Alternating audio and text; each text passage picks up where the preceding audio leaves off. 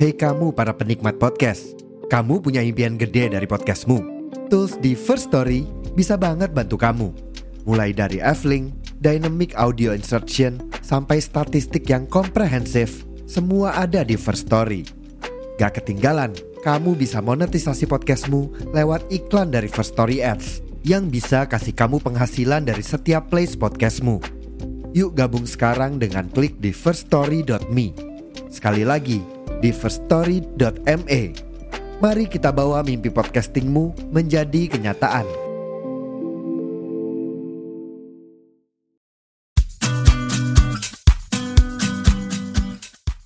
Uh, dia menyampaikan bahwa itu adalah kreativitas dan dilakukan di tempat yang salah. Betul. Itu bukan kreativitas. Menurut saya itu bukan kreativitas. Saya tanda kutip ya. Itu adalah kenakalan jalanan dan itu sudah bukan kreativitas. Menurut aku memang uh, dari pemangku kebijakan dan yang berwenang lah itu Iya. langsung aja sih langsung mengkategorikan bahwa pelaku klite ini adalah pelaku kriminal. pelaku kelitih ya pelaku kejahatan Ya, jadi buk, klite, klite aja dia da- diadopsi dari bahasa baikan. Ah, Jadi menurut aku mari sama-sama kita sebut bahwa orang-orang anak-anak yang tadi disebut anak-anak kreatif yang salah itu langsung saja dia pelaku kriminal, eh, pelaku kenakalan remaja di jalan. Udah gitu aja.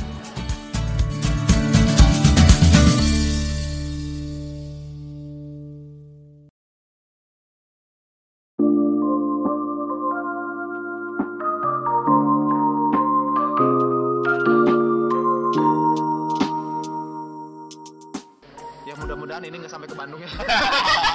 oh ya kalau podcast kan jelas sampai jelas enggak jelas enggak lah Jadi pada saat itu momen itu ini kronologinya ya. nah Temanku yang paling depan udah nemu targetnya dan kita juga udah kode-kodean lah gitu. pakai hati enggak Enggak lah. Pakai batin. Pakai tanda eh, tangan. Oh, iya, iya, iya, iya, iya, iya. Kayak gitu. Roger Roger Roger. Kayak bahasa dulu gitu. Nah, Terus, terus cerita dipepet lah sama temanku yang nom- yang motor paling depan udah dipepet langsung dipukul udah jatuh itu motor sama orangnya. Nah aku yang di motor yang kedua. Tugasmu tugasku adalah nyamperin tuh korban. Ajar dulu. Mas! Apa? Pada saat ya itu korban Ah. sudah jatuh. Nah, korban langsung ngeliat kayak gini apa ya? Ampun ah ampun ini ini silakan dompetnya ini ini, udah pasrah. Ah, enggak kamu hajar itu? Aku baru mau baru gini baru gini doang baru ang- tangan tuh baru mau ngangkat gitu. Nah, udah langsung kayak gitu.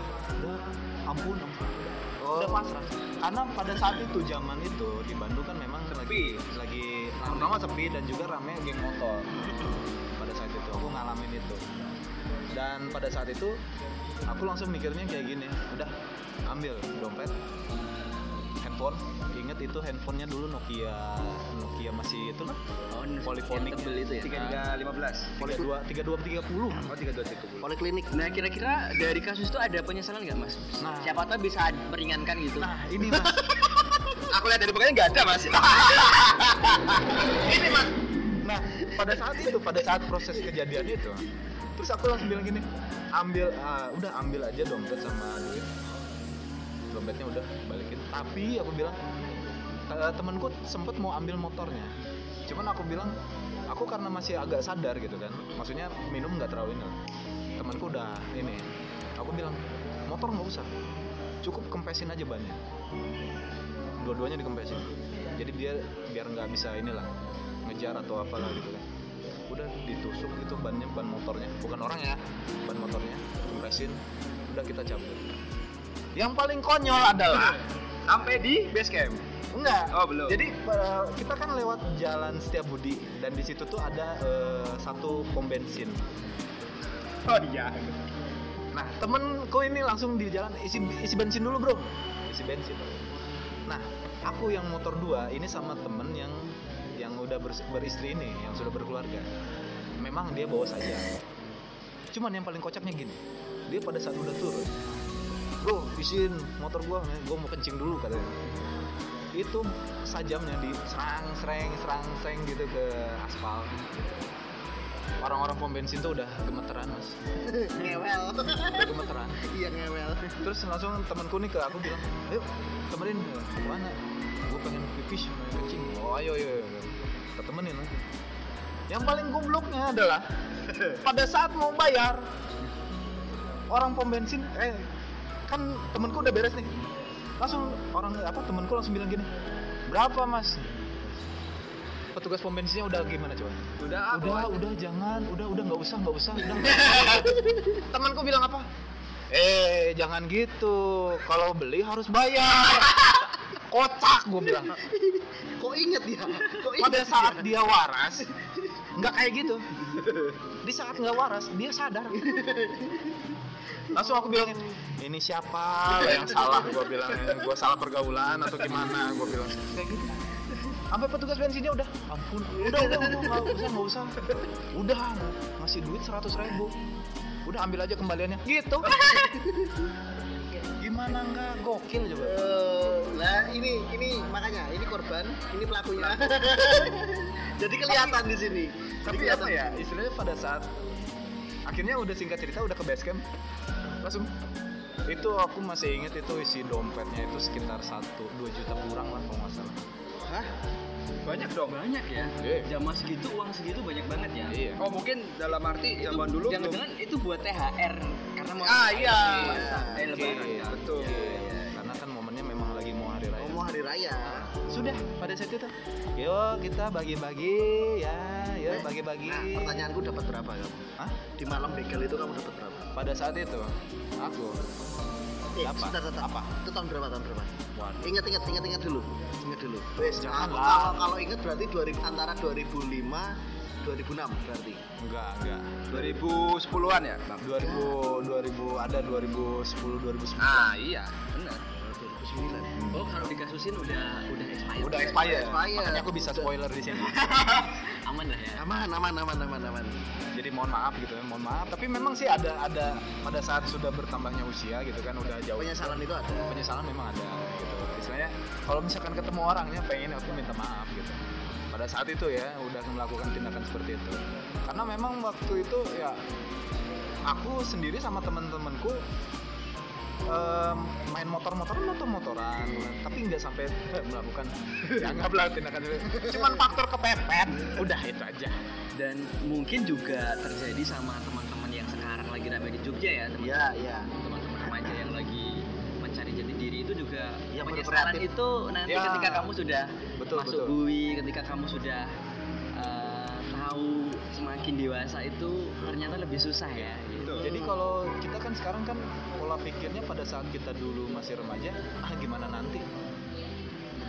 Sekarang kita mikirnya nanti gimana ya? Nah, Kan gitu. Iya, berarti mindsetnya uh, karena dari pengalaman Mas Happy ini, mungkin teman-teman pendengar podcast Iya, Pura-Pura Kritis ini bisa mengambil Iya. hikmahnya dari itu ya. betul Jangan dicontoh. Ya, pertama jangan dicontoh, kedua ya kalau sudah melakukan ya insaf lah.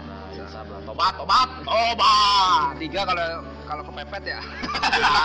gimana? Jangan dicontoh. Jangan dicontoh. Kepepet ada pinjol. Oh iya, kalau zaman dulu kita mana ada, Mas? adanya pegadaian Iya. mau digadein apa Ya itu. ya tapi tapi dari dia cerita ini aku jadi ini satu ya Apa tuh? untung untung dia nggak ngelamar kerja di mana mana ya dan untung dia nggak ke mention mukanya Iya. Enggak sih. Mungkin zaman dulu belum belum ada CCTV. Karena Iya. karena gini, Mas. kalau Karena ka- kalau kamu udah ke mention nggak bisa Wim buat SKCK Iya karena muka, ya, alhamdulillah sih mas karena mukaku kan nggak kelihatan muka-muka kriminal gitu. atas apa? Gak bisa buat SKCK tetap bisa, cuman kan ada catatan kriminal. Iya. Ah. Faktanya banyak loh pejabat-pejabat kita. Kuik kuik kuik kuik. apa sih Sorry, aku nggak ikutan ya. Yang penting tuh kita bawa bambu aja yang panjang. buat apa Bambu. Buat nyogok. Aku nggak ikut-ikutan ya ini. Kan bambu. Tegar Setiawan UMBY Bambu. Terus nyogok. Mau hubungannya apa? Hah? Apa? Apa sih? Bambu. Kalau nyodok ya. nyogok cuk nyogok gini loh Oh nyogok. nyogok nyogok Kayak buah gitu kan Iya. pakai Ya itu kalau misalkan ada lebaran itu kan kita pengen buah apa tinggal nyogok. Oh. Itu loh maksudnya. Soalnya beda server. Dia nggak login. Gue nyogoknya ny- nyodok yang mana? bahaya Nah, tapi setelah dari dari kasusnya Cepi, dari kasusmu, itu yang terjadi di anak-anak sekarang. Dan aku pernah bahas sama Nuha juga waktu itu di episode yang lalu ya, dulu banget. Itu kan memang mereka mencari asis eksistensi berarti ya. Smart friend. Jati diri. Jati diri. Nah, yang yang kalau kamu kalau kamu pernah nggak selama kamu sekarang di DIY yang kamu tangani sekarang, pernah nggak ngadepin anak-anak kayak gitu yang masih masih usia remaja, masih ini? Terus alasannya mereka tuh apa sebenarnya? Kalau yang sekarang ini? memang rata-rata tadi ya eh, terbawa oleh arus teman-temannya gitu. Jadi memang mencari teman yang baik itu susah kan tuh mencari teman yang baik susah Teman yang baik bisa dapat, tapi circle-nya. Iya bisa jadi gitu lingkungan Kadang baik di circle yang menurut dia ya kurang baik, tapi ya itu teman baik dia gitu. oh iya iya Tapi memang caranya yang Iya Oh berarti circle yang baik ya berarti ya. Hmm. menemukan circle yang baik itu susah Oh iya iya iya. jadi bagaimana di circle itu kita bisa dihargai bisa kita uh, Betul. beraktivitas Ya. dengan enak enjoy gitu. Enjoy, betul. Karena istilahnya temenku aja ini yang berlima ini yang aku sebut baik. Ya, Dia teman baikmu ya kan? Teman baikku. Oh iya deng ya. Iya. Iya iya iya Ah, iya. gitu. iya. Tapi balik lagi. Lah sekarang gini, Mas. Bulan puasa, Hah? gua baru balik sekolah. Hah? Gua lagi jalan keceng-keceng tiba-tiba, "Woi, mau ke mana?" Temen aku. Masak datang. yuk. Woi, mau mana? Balik. Ya udahlah, ayo ikut dulu. Di taman Mas ngapain? Ngapain? Ada tukang cireng, Bang. Beli cireng dong. Makan di pinggir. Asik. Bangsat emang temen gua. Ya, itu teman baik ya. Eh, teman baik. Tapi kita balik lagi, Bang. Apa apa? Kita melihat teman baik atau enggaknya tuh kita dilihat dari karakternya mereka tuh gimana. Oh. Nah, gimana? Contoh kasusnya gimana? Kalau karakternya mereka baik, Hah? dia pasti punya batasan antara tahu yang baik dan yang buruk. Oh. Tapi kalau yang cuma baik doang, Nah, itu semua orang juga bisa baik. iya sih. Betul. Tapi karena kebanyakan setannya. Nah. jadi Iya. buruk aja Balik sebaliknya. pengaruh orang-orang. gitu. cuman uh, aku yang masih agak kurang setuju dengan argumen-argumen pejabat atau pemangku kebijakan yang ada di DIY ini terkait dengan isu klitih ini adalah anak-anak kreatif banyak loh KPAI kota baru aja uh, tadi aku baca korannya Belum lama ya? dia belum lama baru aja tadi Ah. muncul di berandaku Uh, dia menyampaikan bahwa itu adalah kreativitas dan dilakukan di tempat yang salah. Betul. Itu bukan kreativitas. Menurut saya itu bukan kreativitas. Saya tanda kutip ya.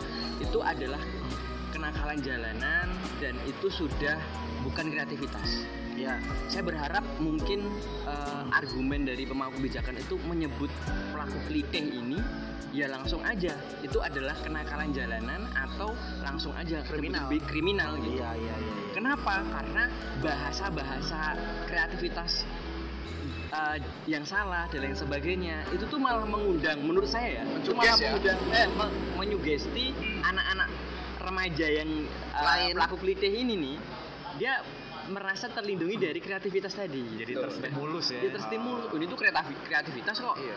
Aku kreatif kok. Kreatif. iya aku kreatif kok gitu kan ini Tindakan kreatif apa yang kamu lakukan di umur 18 tahun? Batok. lo kan ini GTA-nya Jogja gitu Oh. ya kan kayak gitu kan GTA oh iya. GTA. GTA GTA. Ja- ja- jatuhnya kan kayak gitu Ah. ya menurut aku memang uh, dari pemangku kebijakan dan yang berwenang lah itu Iya. langsung aja sih langsung mengkategorikan bahwa pelaku klite ini adalah pelaku kriminal Harusnya ya. iya Jangan dibahasakan di di apa? Di- Dihaluskan. Dihaluskan. Ah, ah, ah. ya mungkin Mas Tegar dari psikologi gimana mendapat, mendapati itu karena menurutku memang bahasa-bahasa uh, kreativitas itu kan bahasa-bahasa baik ya Betul, betul. kenapa sih yang buruk harus dibaik-baikin dan yang yang baik harus Belum tentu diburuk-burukin buruk. iya ini sih, kalau itu kan istilah kalau aku menangkapnya kan dari penamaan aja. kan. iya Dari penamaan. Contohnya kalau misalkan kayak maaf maaf ya, kayak misalkan dari lonte tiba-tiba jadi eh, PSK. Oh, kayak kasusnya si Deddy Corbuzier ya, yang dia mau nyebut apa orang gila itu orang Oh, ya, halus halusin gitu iya. ya. Gitu. sekarang kan ODGJ. jatuhnya jadi Ah, orang dengan gangguan jiwa Oh iya iya iya. Mungkin mungkin eh, maksud dari pengambilan keputusan dari pemerintah tersebut mungkin untuk memperhalusnya ke situ cuman memang aku juga setuju sama Mas Joni kalau penggunaan seperti itu mungkin koridornya kurang tepat ya Ya, nggak- nggak Wala- tepat malah. walaupun tadi perbandingannya dengan apa ibaratnya PSK dan lain sebagainya ini bukan perbandingan ya Iya. jadi kalau pelaku kelitih ya udah pelaku Udah. kejahatan Iya, Iya, iya, atau iya. eh, jangan. Nah, pelaku kelitih itu ya pelaku kejahatan. ya jadi buk, kelitih kelitih aja dia ada- diadopsi dari bahasa baik kan Ah, Jadi menurut aku mari sama-sama kita sebut bahwa orang-orang anak-anak yang tadi disebut anak-anak kreatif yang salah itu langsung saja dia pelaku kriminal, eh, pelaku kenakalan remaja di jalan udah gitu aja. Itu Harus- menurut aku langsung mendistract bahwa eh, oh itu tuh, tuh bahaya gitu. Yes. Paham gak sih bahwa distract besarnya adalah melakukan itu tuh bahaya, bukan kreativitas bukan kreativitas. dan dan bukan bukan lagi itu menjadi bahwa kesalahan yang dimaafkan. Kalau penyebutannya kreativitas yang salah Maklum lah. dimaklumi lah. karena- Pemaluman ya. Iya, itu kan anak-anak remaja belum tahu apa-apa. Enggak. Oh iya iya iya. Tugas orang tua adalah memberitahu bahwa ini buruk dan ini baik. Betul. Betul. Ya. Jadi ketika eh, terjadi eh, pelaku klitih ini nih, terjadi uh, klitih ini melakukan aksinya nih, sebenarnya yang salah itu dua faktor penting. Apa yang itu? pertama dirinya sendiri, Oke, pelaku oke. dan orang tua. Dan orang tua. Karena tidak ada pendekatan dari orang tuanya Betul. itu. Iya, betul. Dalam arti parentingnya dia ya. Iya. Oke oke oke. Jadi menurut aku uh, walaupun aduh a- anakku tuh di rumah tuh baik, anakku tuh di rumah manut dan lain sebagainya. Nah, baik itu belum tentu tadi baik. Oh ya ya ya. Baik itu belum tentu baik ya. Iya. Buruk pun juga belum tentu buruk. Oh ya. Iya kan? Iya iya iya iya. iya. gambaran luasnya seperti itu umumnya gitu jadi bagaimana komunikasi dengan anak itu kan penting banget parenting saya belum punya anak tetapi saya sering Apa? Mau bikin se- Belum, belum. bukan bukan bukan belum Nanti mau.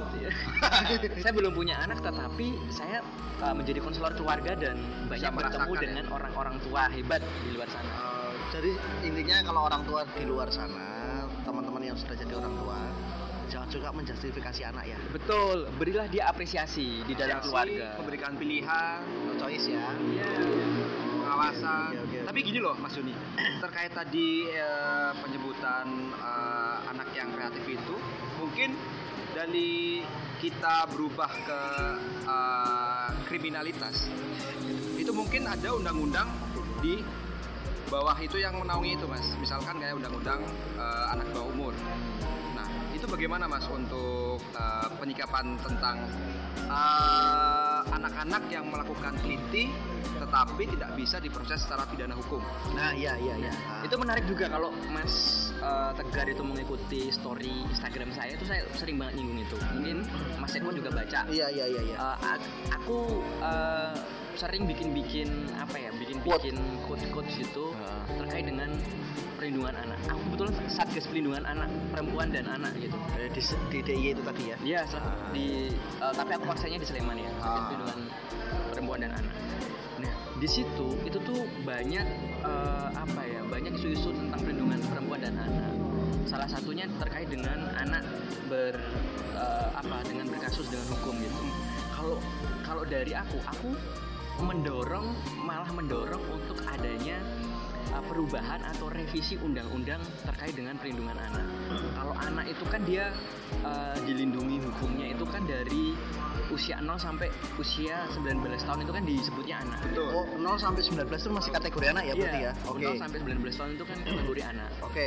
Nah, uh, itu kalau belum dirubah ya aku belum baca lagi ya. Itu itu kategori anak itu 0 sampai 19 tahun. Nah, bagaimana kalau perlindungan anak ini juga dilihat dari kacamata yang besar.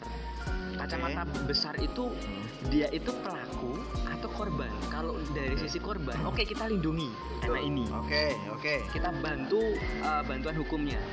oke. Seperti LPSA, eh, eh, LPSK gitu ya. Ya, jadi jadi jangan dengan baik bagus sih dengan semboyan semua anak-anak kita, tetapi tidak semua anak itu baik ya kan. Iya iya. Nah, Betul. betul betul betul. Ketika kita melindungi pelaku klite yang uh, di bawah di bawah Umur. umur, atau Ah. di usia anak, Iya. berarti kita sebenarnya tidak melindungi anak-anak korban klite. tidak melindungi anak-anak korban kelitih. yang yang bisa jadi korbannya itu calon korbannya lebih banyak iya nggak Oke, ya Sulit betul. betul. Logikanya gitu kan? Iya, iya, iya, iya, iya. jadi uh, kalau menurut aku mending kita fokusnya adalah bukan lagi ke ke apa pelaku untuk melindungi pelaku tetapi bagaimana melindungi korban, korban. dan sosial yang lebih luas kan Hmm. jadi uh, mungkin ada pengecualian-pengecualian di undang-undang perlindungan anak, Anak, ini iya. terkait dengan seperti ini. Kalau ya dia bacok, dia misalnya bunuh dan lain sebagainya, ngelitih dan lain Sampai sebagainya, melukai Iya, ya. sampai melukai. Nah itu ya sudah langsung dituntut hukuman aja yang berat malah.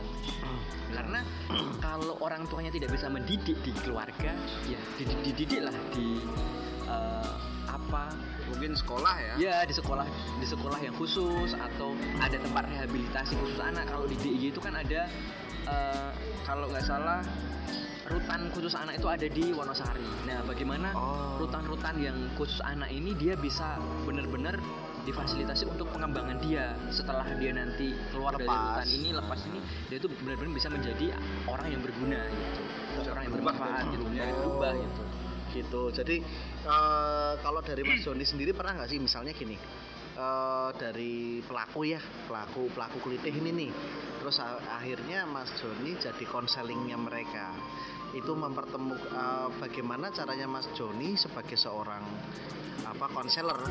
Misalnya ya misalnya disuruh mengkonseler. Itu bagaimana mentreatment si anak ini biar dek kamu nggak usah kayak gitu-gitu lagi deh itu gimana kalau Mas Joni ya biasanya kalau saya tuh mancing ya. Kamu tuh kenapa sih? Gitu kan. Oh gitu, kamu dulu ya. pancing dulu berarti. iya. Probing dulu iya ya, pakai probing. Jangan kita kalau langsung Judgement kan nggak bisa ya. jangan kamu ngeliatnya gini-gini bego nih. Ya kan nggak nggak mungkin. gitu ya kan kan kita harus kita harus Gini, mendengar. kamu kamu jangan jangan ini. Apa? MMA sekalian. itu aku sempet tuh usul mungkin ada apa ada ring Suatu tinju wadah ya, suatu ada wadah ring tinju mungkin di ya. di denggung gitu kan Hmm, sarana luas gitu Ah. mungkin sparing di situ daripada kamu ngelitih kan sparing di situ kan lebih lebih fair. Iya, lebih fair kan Nah, tapi itu pernah di asu- apa diinisiasi sama Mas Erik kan? Bisa dicanangkan. Mas Erik Iya, Sukamti kan? belum belum belum ya belum belum dicanangin ya Pernah yang yang gelut itu ya? Gelut Oh yang, cuma yang- wacana ya, tapi udah relasi bukan? Oh, enggak maksudnya maksudnya untuk untuk yang tinju itu kan kayaknya udah pernah sekali. Udah pernah sekali tapi yang kedua belum. Belum. Nah, nah mungkin mungkin itu sebenarnya bisa difasilitasi aja kan ah, jadi biar tidak ada yang tadi liar tadi kan ah, ah. kalau untuk treatment konseling dengan pelaku ya biasanya eh, anak ini kan dia kan banyak ya Hmm. permasalahan dia mungkin dari keluarganya dia dari lingkungan nah Hmm. kita pancing dulu apa bu- eh, besar apa garis besar Kenapa dia melakukan kenapa itu? dia gitu Hmm. melakukan itu gitu. ini nanti akan bercerita sendiri kok Kalau yang paling banyak apa sih? Kalau boleh tahu, ada nggak yang pernah konselor sama ada Mas beberapa memang tadi tidak menemukan rumah di rumahnya sendiri Bukan bukan broken home ya? ada yang broken home tetapi tidak semua broken home Nggak, itu jelek loh iya iya iya. Tapi eh, ada yang dia tidak tadi tidak ada komunikasi di rumah Iya iya iya. iya. Peran ayah dan ibu mungkin kurang. Iya, sebenarnya kan ada 8 fungsi keluarga, fungsi Betul. pendidikan, terus fungsi perlindungan, sosial, agama, sosial budaya gitu. Hmm, Ada fungsi-fungsi keluarga itu yang tidak berjalan dengan baik. tidak berjalan dengan baik. Iya, harusnya kan memang eh, berjalan ya kan Hmm. dari mungkin dari apresiasi tadi, terus Hmm, ada hmm, pendidikan, terus ada yang demokrasi. Iya. Demokrasi. Demokrat, Demokratis. iya demokratis lah. Demokratis dalam mendidik anak itu kan harus demokratis. Betul. Memberikan betul. pilihan. Kamu kalau uh, milih A nanti ini ini ini dijelasin. Kamu nanti kalau milih B ini ini ini ini. Hmm, hmm, hmm, hmm. Jadi ketika Jadi ada konsekuensinya ya. Iya. Kalau kamu milih A, ada konsekuensinya ini. misalnya misalnya Hmm. misalnya aja kamu mau sekolah di mana di Hmm. negeri apa di swasta Hmm. nah itu kan kita udah memberikan pilihan Iya iya iya. Kalau kamu mau di negeri kamu harus belajar dari sekarang Iya. karena masuk ke sekolah itu misal yang dia tunjuk itu susah Hmm, hmm. Tapi kalau kamu mau ke sini, ya kamu harus nabung karena di Hmm. swasta yang yang lebih tinggi adalah harganya mahal. Iya Nah, betul. itu kan pilihan-pilihan. Iya choice. Itu kayak aku tuh, kayak aku. Beneran loh. Ini ini aku cerita dikit ya. Jadi kayak anakku ya. Anakku tuh kan mau pengennya dia sekolah di SD eh, berbasiskan agama di salah satu di Jogja lah. Aku kasih dua pilihan. Dia milih yang ini sama yang ini. Anakku milih yang yang dekat-dekat sini nih Oh, yang satu depan itu ini ya. ya. Oke. di sini nih dia milih situ aku bilang Yang pakai budi-budi itu enggak? bukan bukan Yang bukan. ada ini ya Muhammadiyah. Eh, ya ya. Kesebut juga deh. Enggak. Tapi ya gini, aku setelah setelah aku suruh milih, sebenarnya sama-sama itu, sa- sama-sama dari satu organisasi itu. Nah, aku milih, aku tak suruh milih yang agak selatan. Hmm. Nah, alasanku cuma satu. Lebih murah. bu- satu lebih murah. Yang kedua, hari Sabtunya libur. Tapi biasanya kalau sekolah itu hari Sabtu buat ekstrakurikuler ya? Iya, tapi yang di sekolah sana libur. Nah, makanya aku bilang, "Dek, sekolah yang sini aja. Biayanya sama tapi hari li- Sabtunya libur."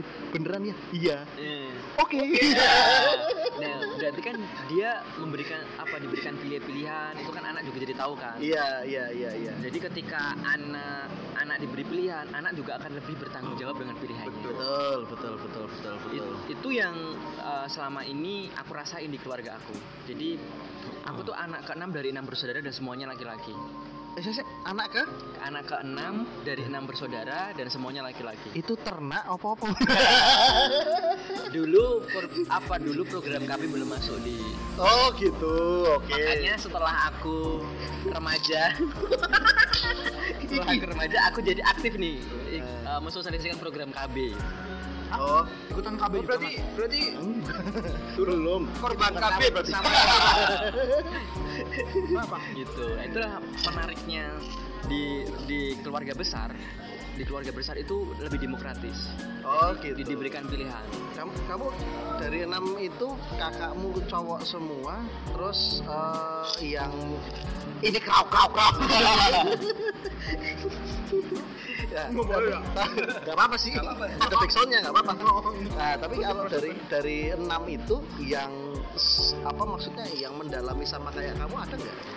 Enggak, cuma aku. Cuman kamu doang. Apa Mas Joni? Mas Sony aja. Iya, karena tadi lingkunganku kan eh, lingkungan sekolah yang tadi Iya. ya maksudku aku ketemu teman-teman yang kayak gitu ternyata dia eh, ada hal baiknya di situ ternyata masuk ke yang kurang baik nah itu kan setiap orang kan punya apa ya punya lingkungan dan punya pengalaman pribadi yang beda-beda kan ya Betul, betul, betul. Nah dari dari lingkungan terus dari pribadi yang beda-beda itu dia langsung bisa mengambil keputusan. Aku mau maju ke kanan apa ke kiri nih? Oh. Apa lurus nih? Gitu. Harus ada pilihan ya. Pilihan dan berdialogis dengan tanggung jawab ya selama ini ya. Nah, terus pertanyaanku, kakak-kakakmu eh, sudah punya momongan semua berarti ya? Paling paling besar umur berapa? Paling besar, aduh aku nggak inget ya umurnya berapa. Sekarang kelas? Sekarang. Kok kelas? Sekarang dia ada di Enggak maksudnya maksudnya anak-anaknya. Oh anaknya. Anaknya kakaknya. Anak anaknya kakakku tuh yang paling gede itu dia kelas 1 SMA. Itu pernah ini belum? Maksudnya pernah curhat sama omnya belum? Ya pernah lah. Nah, pernah lah. yang yang pernah curhat sama kamu apa? Dia. Eh, menentukan pilihan sekolah.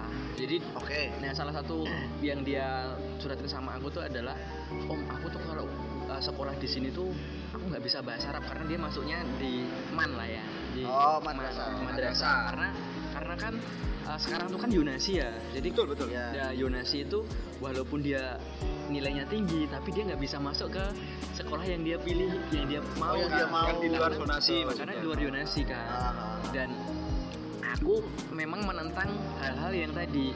Dari dari dari segi kalau sudah di luar Yunasi ya kamu jangan maksain. Jangan jangan sampai kamu harus pura-pura pindah kakak terus pakai surat eh, apa namanya Oh, ini iya. ya itu tuh kan banyak kan sekarang dilakukan. Nah aku tidak mau mendidik ponakanku ini menjadi eh, Orang orang-orang yang curang. Nah, jadi aku memberi pemahaman bahwa sekolah di mana aja sama, tergantung kamu eh, nanti ke mana gitu. mau ngapain? Mau ngapain? Nah. Mau dan mau jadi apa? Itu sih. Itu itu yang aku sering sampaikan ke ponakan-ponakan aku. karena karena dia curhat kayak gitu ya karena dia ag- agak kesusahan waktu dia mau masuk Iya. sekolah itu tadi Karena dia sampai dari tiga sekolah itu yang eh, karena karena mah gue itu sekolahan yang negeri itu jauh-jauh ya. iya betul itu jauh-jauh loh. Oh. Jadi dia pilihannya tuh cuma eh, ada di man ini yang dekat. Nah, gitu. Hmm. Karena ya masih Yunasi dan ya masih terbuka luang lah gitu masih masih ada masih worth it lah lah dan masih negeri lah ya kan Ya, Mas. iya, iya, iya. walaupun memang dia di Kementerian Agama Iya, tapi ya nggak apa-apa bahwa dia itu bagus kok aku bilang gitu sekolah itu di mana pun bagus tergantung diri kita iya betul tergantung diri kita ya. Iya. Penerimaannya ya. iya Iya. aku juga menyampaikan bahwa eh, kalau mutiara itu di tempat kotor pun dia tetap jadi mutiara. Oh iya betul. Jadi kamu jadilah mutiara di mana pun kamu orang berada. kalau nggak salah nama Mutiara. Tapi kamu kotori. Dia nangkep. Dia nangkep. Dia nangkep dong dia nangkep maksud gua. Iya iya dong dia nangkep. Gini Mas Joni, eh, aku punya pertanyaan Mas. Eh, tadi dari segi buat eh, anak-anak yang bermasalah nih Mas, dari segi penanganan untuk intervensi perlakuan itu bagaimana Mas yang Mas Joni lakukan kepada anak-anak yang bermasalah itu? ah ya kalau kita sudah berhadapan sama Mereka. ah, mereka aku nyebutnya bukan bermasalah ya Iya. ya kan Hmm, kalau betul. ya kalau bermasalah kan itu Secara awam ya? secara secara awam bermasalah iya bermasalah tetapi aku nyebutnya adalah kamu punya Potensi. kamu punya potensi dan berada- baru berada di kondisi yang kurang baik aja Betul. gitu Bad opportunity. Jadi uh, penanganannya ya banyak sih dari tadi uh, aku tuh punya treatment travel healing jadi jalan-jalan Mhm. sambil konseling oh itu gimana Cewek tuh ada nggak ada jadi uh, Ya. Jalan-jalan. Nanti kan jadi handoyo. Hasil dari Oyo. hasil anak hasil dari Oyo Tapi eh, jangan luhut aja. eh, apa eh, traveling itu mas itu di situ ada masuk eh, outbound atau sela-sela iya kegiatan iya apa gitu iya ada? iya ah, masuk. Tergantung kalau kita, travel healingnya kelompok ya nanti ada outboundnya. Kalau kita cuma individu ya kita kita langsung nih misal misal aku bawa ke tempat wisata tebing breksi atau ke candi-candi. Kamu tahu nggak sih aku langsung menunjukkan kamu tahu nggak sih sejarah-sejarah ini tuh? Gitu. Ini dibangun karena apa? Bahwa leluhur kita tuh hebat loh. Nah kamu kalau kamu bisa seperti mereka paling enggak kamu tidak me- tidak menjadi berbeda. Berbeda itu dalam tanda kutip jelek ya. Iya iya kan iya, or- iya. orang-orang zaman dulu leluhur kita kan membangun negara ini membangun daerah yang Kita. kita gitu. Itu kan dia dengan kerja keras dengan berdarah-darah dengan perjuangan. Nah aku masukin itu. Itu treatment yang menarik sebenarnya. Oh, kalau aku sih lebih mengutip, sorry ya mas ya, maaf mas, Ah. lebih mengutipnya anak-anak sekarang pengenalan atau pengetahuan dengan sejarah itu kurang itu kurang. Nah. Sejarah sejarah negaranya sendiri, sejarah kotanya sendiri, Daerahnya sejarah pahlawannya Daerahnya. itu kurang. Nah, ini juga tugas orang tua nih mengenalkan sejarah-sejarahnya, Iya. leluhur-luhurnya. Paling enggak kalau kita bisa mendekatkan eh, anak-anak kita dengan orang tua kita atau nenek-nenek kakeknya, nah itu kan baik juga. Jadi biar biar memberi stimulus kepada anak kita nih, anak cucu-cucunya nih bahwa eh, apa nenek-nenek kakek-nenek kita dulu tuh punya pengalaman punya yang pengalaman yang luar biasa yang yang apa unik gitu ya. gitu.